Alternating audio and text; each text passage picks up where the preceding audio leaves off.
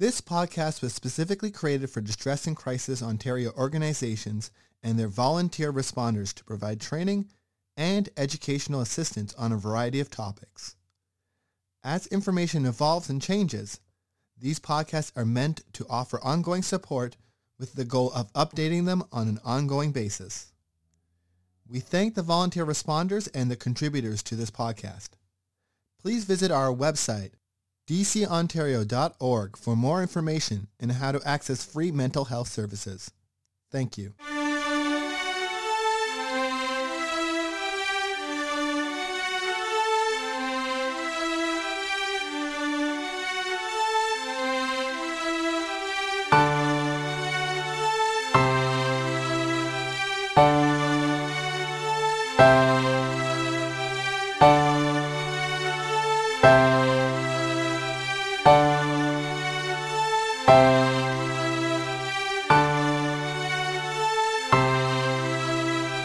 Hi, my name is Brenda, and I'm currently a BSW student completing my placement at DCO. To start off this new season on Hope, I will be joined by my co-host Caitlin, who is a program coordinator with DCO. In this week's episode, we interview a few staff from the Delton Glebe Counseling Center as they each give us their perspective on hope. Uh, thank you guys all for taking time out of your day to come and talk to talk to us about hope and COVID. But before we start, we're just going to get into introductions. So I'm Brenda, and I'm going to be your host for today, and I'm also co-hosting with Caitlin. I'm a BSW student at the University of Waterloo, and I'm completing my placement at DCO and at the Glebe Center. I'm Caitlin, uh, co-hosting with Brenda today, uh, program coordinator at Distress and Crisis Ontario, which is a relatively new position for me, so I'm still learning a little bit. I'm Elma. I am the intake coordinator at uh, the Delton Glebe Counseling Center. I'm Ariel, and I am an art therapist um, with the Delton Glebe, um, as well as a few other agencies in the in the community. And I'm Brad, and I've been at Delton Glebe for about three years, a little longer, and I'm a registered psychotherapist. Nice, nice to meet you all. What's your definition of hope? For me, it is about connecting with your sense of optimism, the expectation that something good will happen. The, the sometimes it's about trust. It can include ideas about faith, but it, it really boils down to positive expectation. Yeah, mine's much the same. Um, the hope to me is not necessarily based in a realistic um, assessment of what's going on. Sometimes hope is just a very strong internal sense. For some people, it might be a sense of peace. Um, it could be optimism. It might be faith related. Um, incredibly hard to define, but genuine when you're experiencing it. Um, you know when you feel hopeless, but you also know when you feel hopeful. So um, sometimes it's easier to define it as absence because that is much more uncomfortable to experience, I think, than being hopeful. So yeah, it, it, again, it's really hard to put a, a textbook definition on it, but it's that sense of peace, optimism, the idea that things are going to get better. Yeah, I agree with both Elma um, and Brad. I think really it's quite it's quite an abstract emotion and sense within ourselves, right? And so to be able to define it can be can be a little tricky. Um, for myself, I think it's kind of that idea again of having a sense or belief that things in the end, you know, will be okay. That there's going to be some sort of silver lining or, or positive kind of outcome um, at, at some point, right? It might not be right away, but down that line, we can kind of see that, that glimmer, um, yeah, that things will be okay. Mm-hmm. So Alma, you kind of touched on this already, but how might hope look different from one person to another? Um, I, you know what, I, I think it depends on your faith perspective sometimes. Age can be really different too. Um, youthful optimism can sometimes also be very um, hopeful. Um, to me, it is different for every person. uh, what I might be hopeful about. Another person might look at me and say I'm being foolish and naive or unrealistic or I'm avoiding reality. But uh, sometimes people have a basis in hope that is really hard to articulate to someone else. But um, in the meantime, being around somebody who is hopeful can be contagious. Um, even though you might not understand what they're hopeful about, just being around them is something that you can benefit from.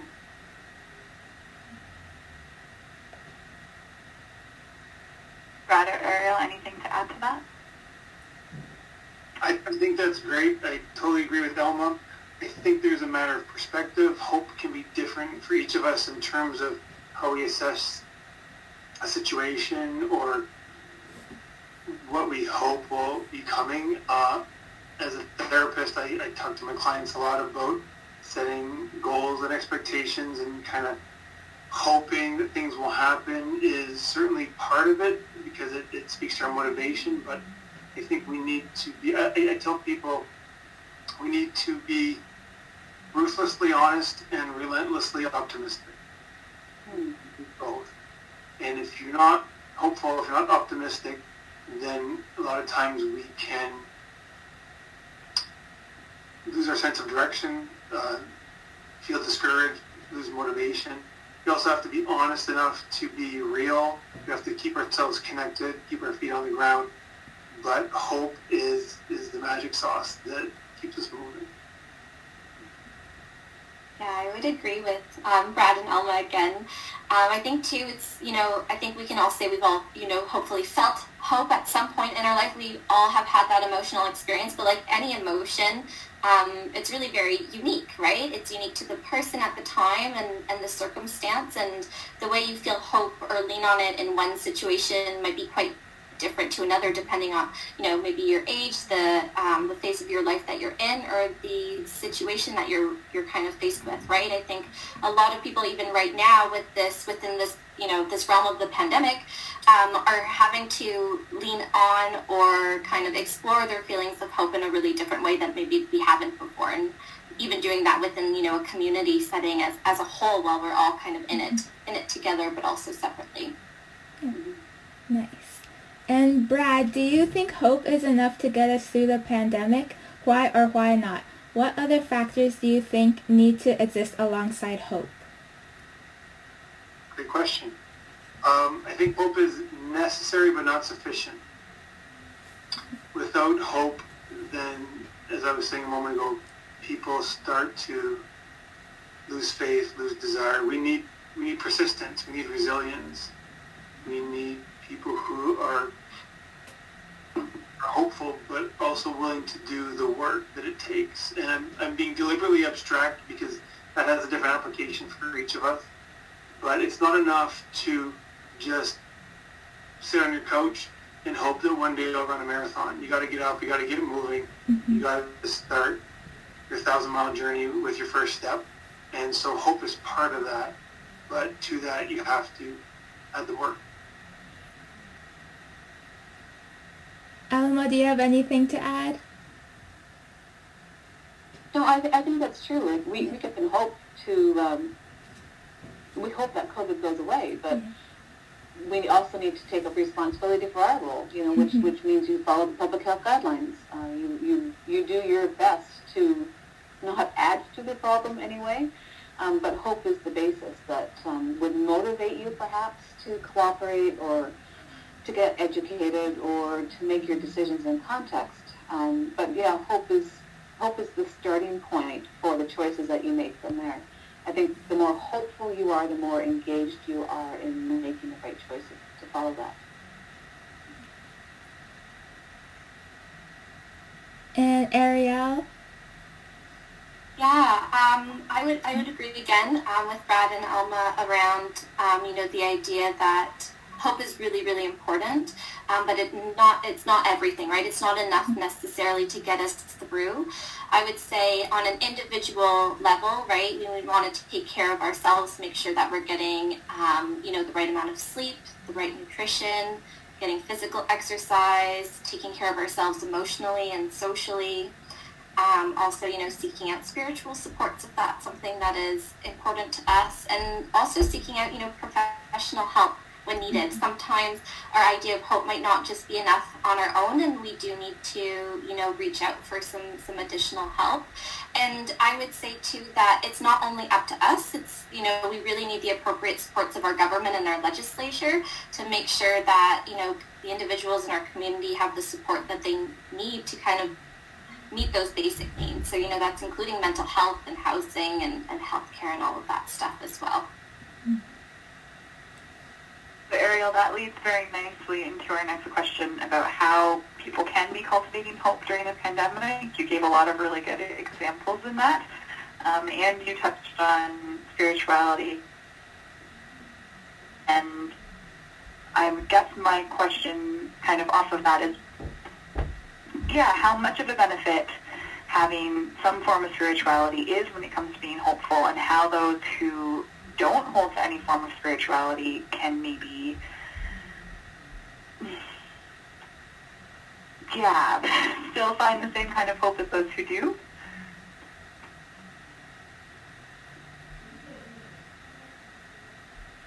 Okay sorry you cut, cut out a little bit there. Um, yeah oh, that's okay. I just wanted just wanted to hear the question one more time and then if you wanted me to answer right away or yeah sure uh, basically, do people who don't hold to any form of spirituality have a different way to fill that maybe gap when it comes to cultivating hope?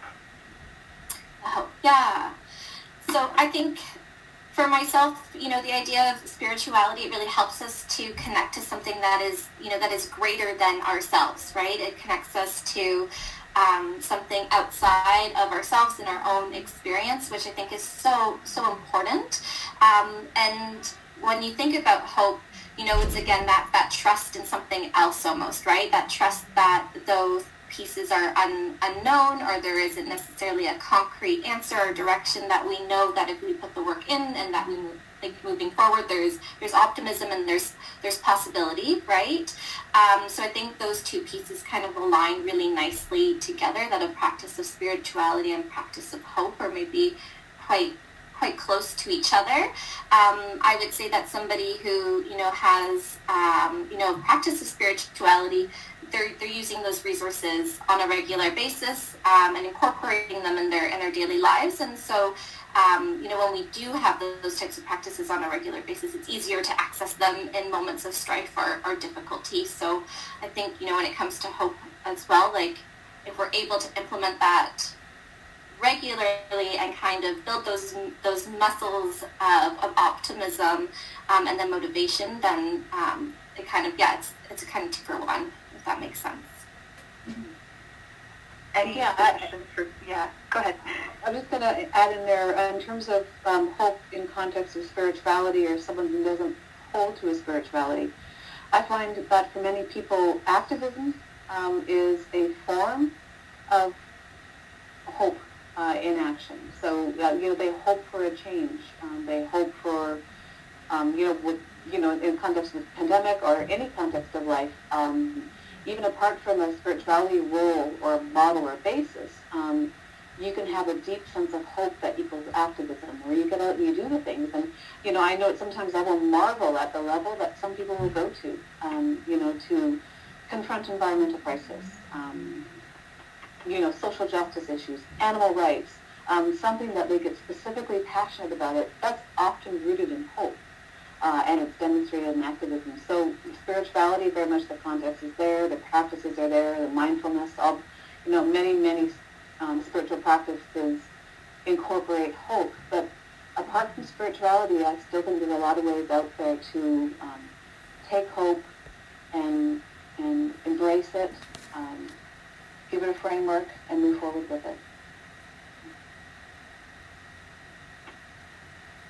there's a, there's a lot important said, and I'm probably not going to be able to grab onto all of it, but I was really struck by the piece there about, it's about connection. That's what I'm hearing. I'm, I'm probably superimposing a little bit of my own ideas here, but hope and spirituality are tightly connected to each other and connected to the idea of a sense of purpose. And not everyone has a strong spiritual life. Certainly not a lot of people are religious specifically. But everyone wants a sense of purpose.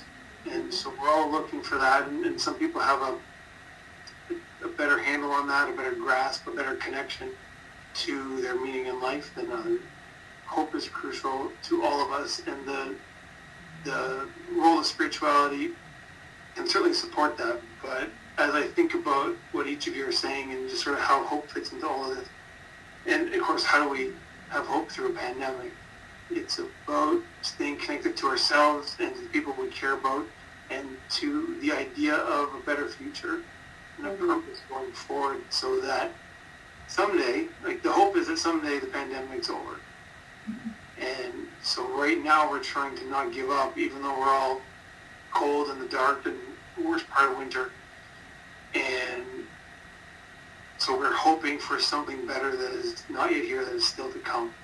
And so that's where spirituality can have an important role, but mostly it's about staying connected to that sense of purpose and that meaning that we're building towards. Nice. Those are all really powerful answers. So, so far what I've been hearing is that hope helps us get through challenges and it gives us a sense of purpose. But what are the other benefits slash importance of hope on our well-being? I'll hand that question over to Alma. Um, the benefits of hope on our well-being. Um, well, first of all, it's a state of mind. Um, it, it helps keep stress and anxiety it doesn't eliminate it, but it, it's a it's a starting place to start to address it. Uh, you know, when, when the negative and the, the and the worrisome stuff um, is there, hope is that voice that says it's not always going to be like this. Uh, it's going to change. Uh, it's going to get better. Um, hope can be shared. Um, the best kind of hope is contagious. Um, you know, so that if I can be particularly hopeful one day around somebody who's not, hope, yeah, here, we use that term, hopefully I can help them. Um, you know, and in the support professions, the caring professions, the, the you know, as counselors, um, if we can approach our work with a foundation of hope, um, that gives us something to build on with ourselves, with our coworkers, with clients. So, um, yeah, it, it's the starting point for a lot of things. Ariel or Brad, do you have anything to add? Yeah, I think, um, I mean, Alma talked a lot about, I think, some of those really crucial pieces of, you know, the importance and the benefits. For me, I think it kind of, I see it almost as a soothing balm, right? It's like, a, yeah, this kind of soothing kind of balm you're putting on something that's, that's uncomfortable or difficult, and it's not going to make it go away necessarily, but it just helps ease. Mm-hmm. Um, and also, sometimes hope can be a really significant source of strength, right? When we feel like we are losing motivation or we just can't, you know, you know, get ourselves going right away, kind of finding that, that source of hope can be a tremendous um, amount of, can bring us in a, like a really big chance, or sorry, I'm gonna rewind that. But um, can yeah can be a really important source of strength for, for moving forward. That, that's really true. There, there's a lot of research on this, on on happiness, on positive psychology, on mindset, on hope. Um, just just briefly, uh, people who are optimistic live longer and there's there's a lot of reasons, and, and there's there's some confounds in the in the data, but the basic idea here is that people who are optimistic and hopeful tend to take better care of themselves. They tend to be more proactive. They tend to form better relationships. Hope is an analgesic, and I mean that literally. People who haven't uh, who, who are optimistic, who are hopeful, tend to experience pain differently, and they're able to tolerate it better. And so uh, these are all important benefits. So we've touched a lot on how um, hope is contagious, like Alma has said, and how it is important for connections and it's important for sharing with others. So how can we find comfort with others while we're all in this time of isolation and disconnect and not necessarily being able to have those forms of connection that we're used to? Brad, I'll maybe let you step in on this one first. It's tough. I don't, I don't have a great answer yet. I'm looking forward to hearing what Elma and Ariel say, but um, we just have to try to stay connected as much as we can. We have to check in with each other, right? It was, it was Let's Talk Day yesterday, and um, they put a lot of good, good media, I'll say, and a lot of it is just based on the idea of, hey, how you doing? Like, send a text, call. Nobody calls anybody anymore. Mm-hmm. I know I'm old, but I still like phone calls. And if not, you can you can reach out in lots of different ways. Um, people are doing watch parties. People are just having you know family meetings. My family, um, this is sort of funny and sort of embarrassing. The we four kids, and for the first time I think ever, we took a walk together all at the same time. It, it had aspects of a forced march, but it was officially a walk, and, and turned out we enjoyed it. And so that's not something we would have done normally. This was in December before it was brutally cold. It was only sort of cold. But um, you just got to find ways to, to change things up and to, be creative and to stay connected to the people that hopefully if, if you're living alone it's extra hard. But we're all isolated together for the most part with your family or your roommates or whoever your person is. And so focus on what's in front of you and do your best to stay connected to the people you care about who you can't see in person.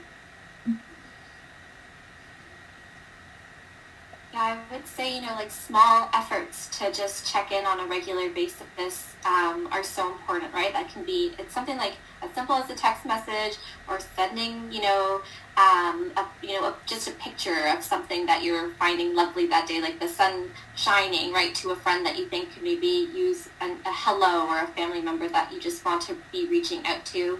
It's things like setting a regular time to have a phone call. Um, so, you know, setting, you know, you might have, you know, done a a coffee date with a friend or a family member or somebody, but now it's like you can't maybe do it in person, but why not do that over the phone where you both have your cup of tea or your, your coffee that morning and you have it kind of sometimes set aside. I think reminders too can be really helpful because we can, you know, get stuck in the monotony of every day and feeling like, you know, I don't have anything new to say. I know that's a big thing lately, especially with this new lockdown as I'm talking to people, they're like, oh, I don't, I don't know why, like, I don't have anything new to say. There's nothing to report, right? But it doesn't mean we don't need connection. Um, so, you know, setting reminders on your phone maybe to say, you know, reach out to this person this day or um, going through your roster of friends or family and making sure you're connecting with them, you know, maybe just a few of them every week and then you're kind of reaching out to everybody. Um, I've also done, you know, just sending out cards in the mail. Um, it's it's something very simple but really fun that you know anybody can kind of really partake in, and you can send art, you can send a poem, you can send pictures, you can just say, hey, I'm thinking about you. But I know for myself, when I get to check the mail, which is like an event now, because we're not really going anywhere, mm-hmm. um, it can be really nice to get a you know a letter in the in the mail with somebody you know was just you know wanting to say hello, and it's just thinking of you. That's, I, I really like that, Ariel. It, it's it, there is something about getting something in the mail that's mm-hmm. exciting. It, it, it's it's weird. Um, so much of what you and Brad said, I, I agree with. Um, and again, a lot of people have stepped up for this. Uh, if we look at something simple like the library, the library on their websites have got one book that everybody can read, and everyone can read the same book and become part of book clubs online or by phone um, and talk about the books that they're reading. Um, Canada Reads uh, is happening. Um, there's these different virtual walks that people can do the equivalent of, you know, hiking some kind of remote trail, but they do it online. Uh, people are playing chess and checkers uh, against strangers, you know, online. Um, there's just a lot of different ways. Um, but again, for the person who is in isolation alone, um, it, it, has to be some days a really overwhelming sense. Uh, you know, and then I think it's, it's the things like Brad says, you pick up the phone um, and it's really important, I think, for people to call and ask for help. Mm-hmm. Um, you know, in, in my role uh, at the agency that I work at, uh, I'm the intake coordinator, so sometimes I'm the first point of contact that people have made. And they almost sound like they are embarrassed about needing help. And my first role sometimes is normalizing it for them. You know, that you're not alone. Our phone is ringing all the time. Um, mm-hmm. It's okay to be lonely. It's okay to feel overwhelmed. And yay for you for telling me. Um, you know, and then we take the next step and lead into a connection. But it's really okay to stand up and say, I'm lonely. I'm feeling hopeless. I'm feeling overwhelmed. And then pick up the phone. Um, and, you know, there's some amazing resources out there um, call here 24-7, you know, call the Delton Glebe, call the Stress and Crisis Ontario. Um, there's so many people there that have, you know, set up programs and opportunities um, that you just need to be willing to ask. Mm-hmm. Yeah, there are a lot of people going through a lot of hard times, and when you're hearing the news, it's so easy to feel down about it all. But with that being said, do you guys have any stories about hope during the pandemic to share? Come on, Elma. You've had a pretty hopeful event in your family during the pandemic. yes. Oh, we got a puppy. There we go. oh, yeah,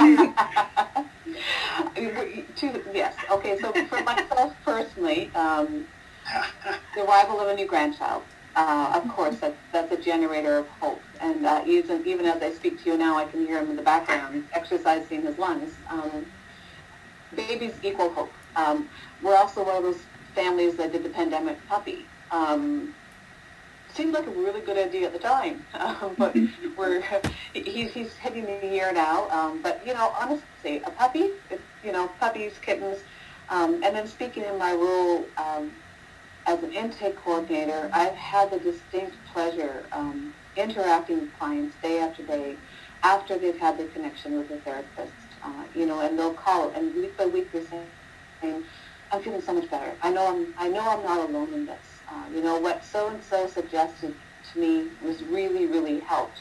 Um, you know, to get that positive feedback um, and people visibly brightening up um, and the tone of their voice changes. Um, just a little bit of support goes a long way.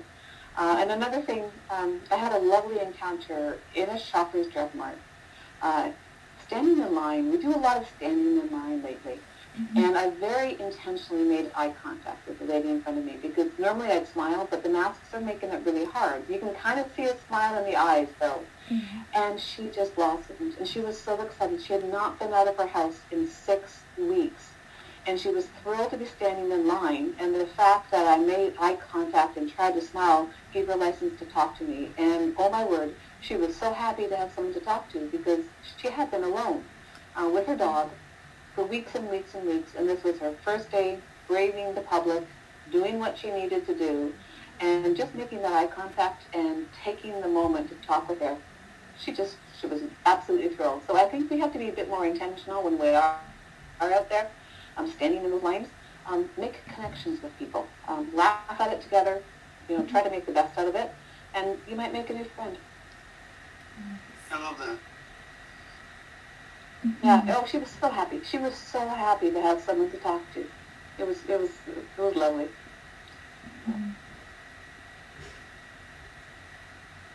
I don't want to step on that. I just want to appreciate that. And it sounds to me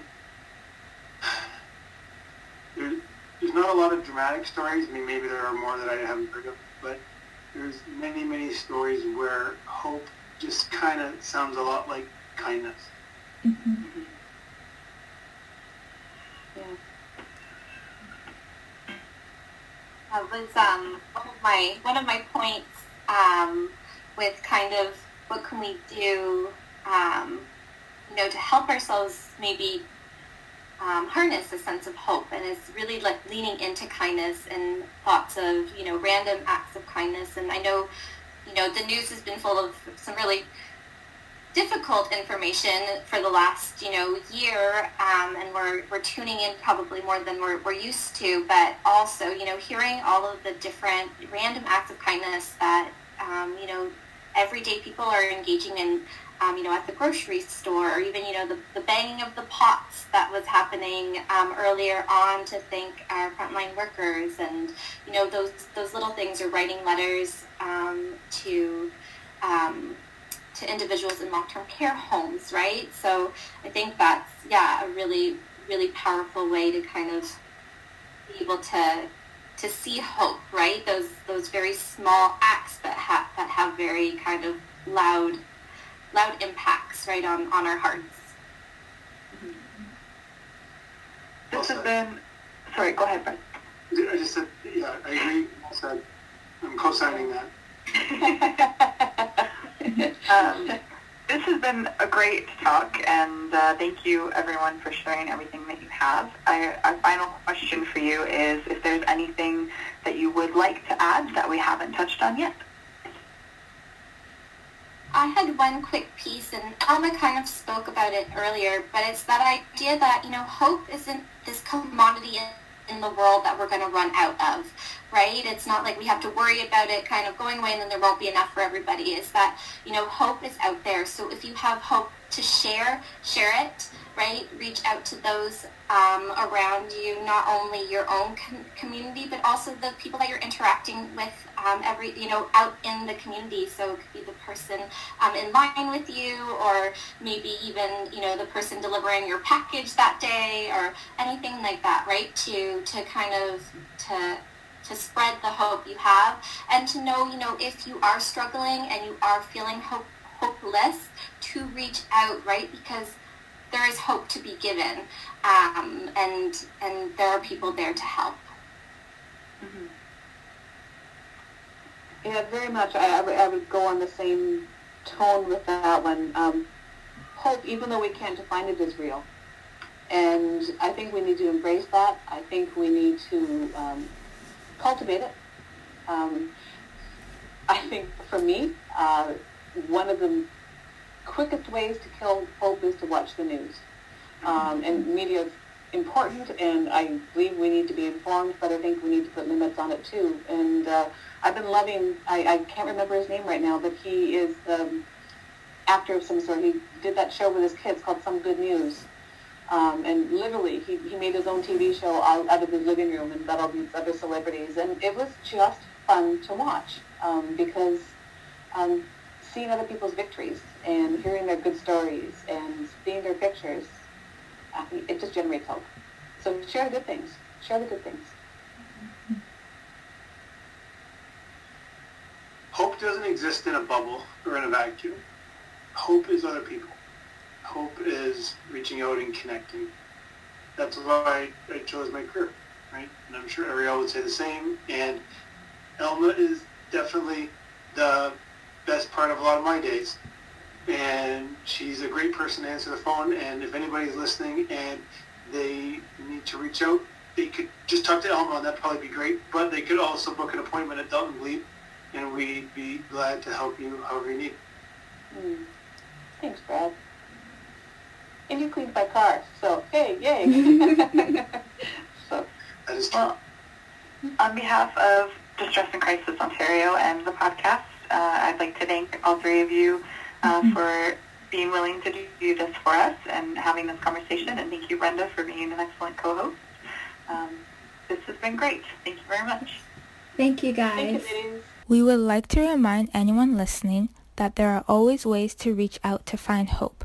If you need to connect with someone, our distress centers have someone available 24-7 and you can find a list of locations on our website, which is dcontario.org. For text message support, please text the word support to 258-258 and someone will be more than happy to help you through whatever challenge you're facing. Hi, I'm Damien, one of the editors of the DCO Learning Forums podcast. Over the past year, we've been busy converting our Learning Forums series of videos into podcasts and thinking of new ways to continue delivering new and more in-depth content. We've seen the demand, and we're announcing our move to Pinecast and our new tip jar function.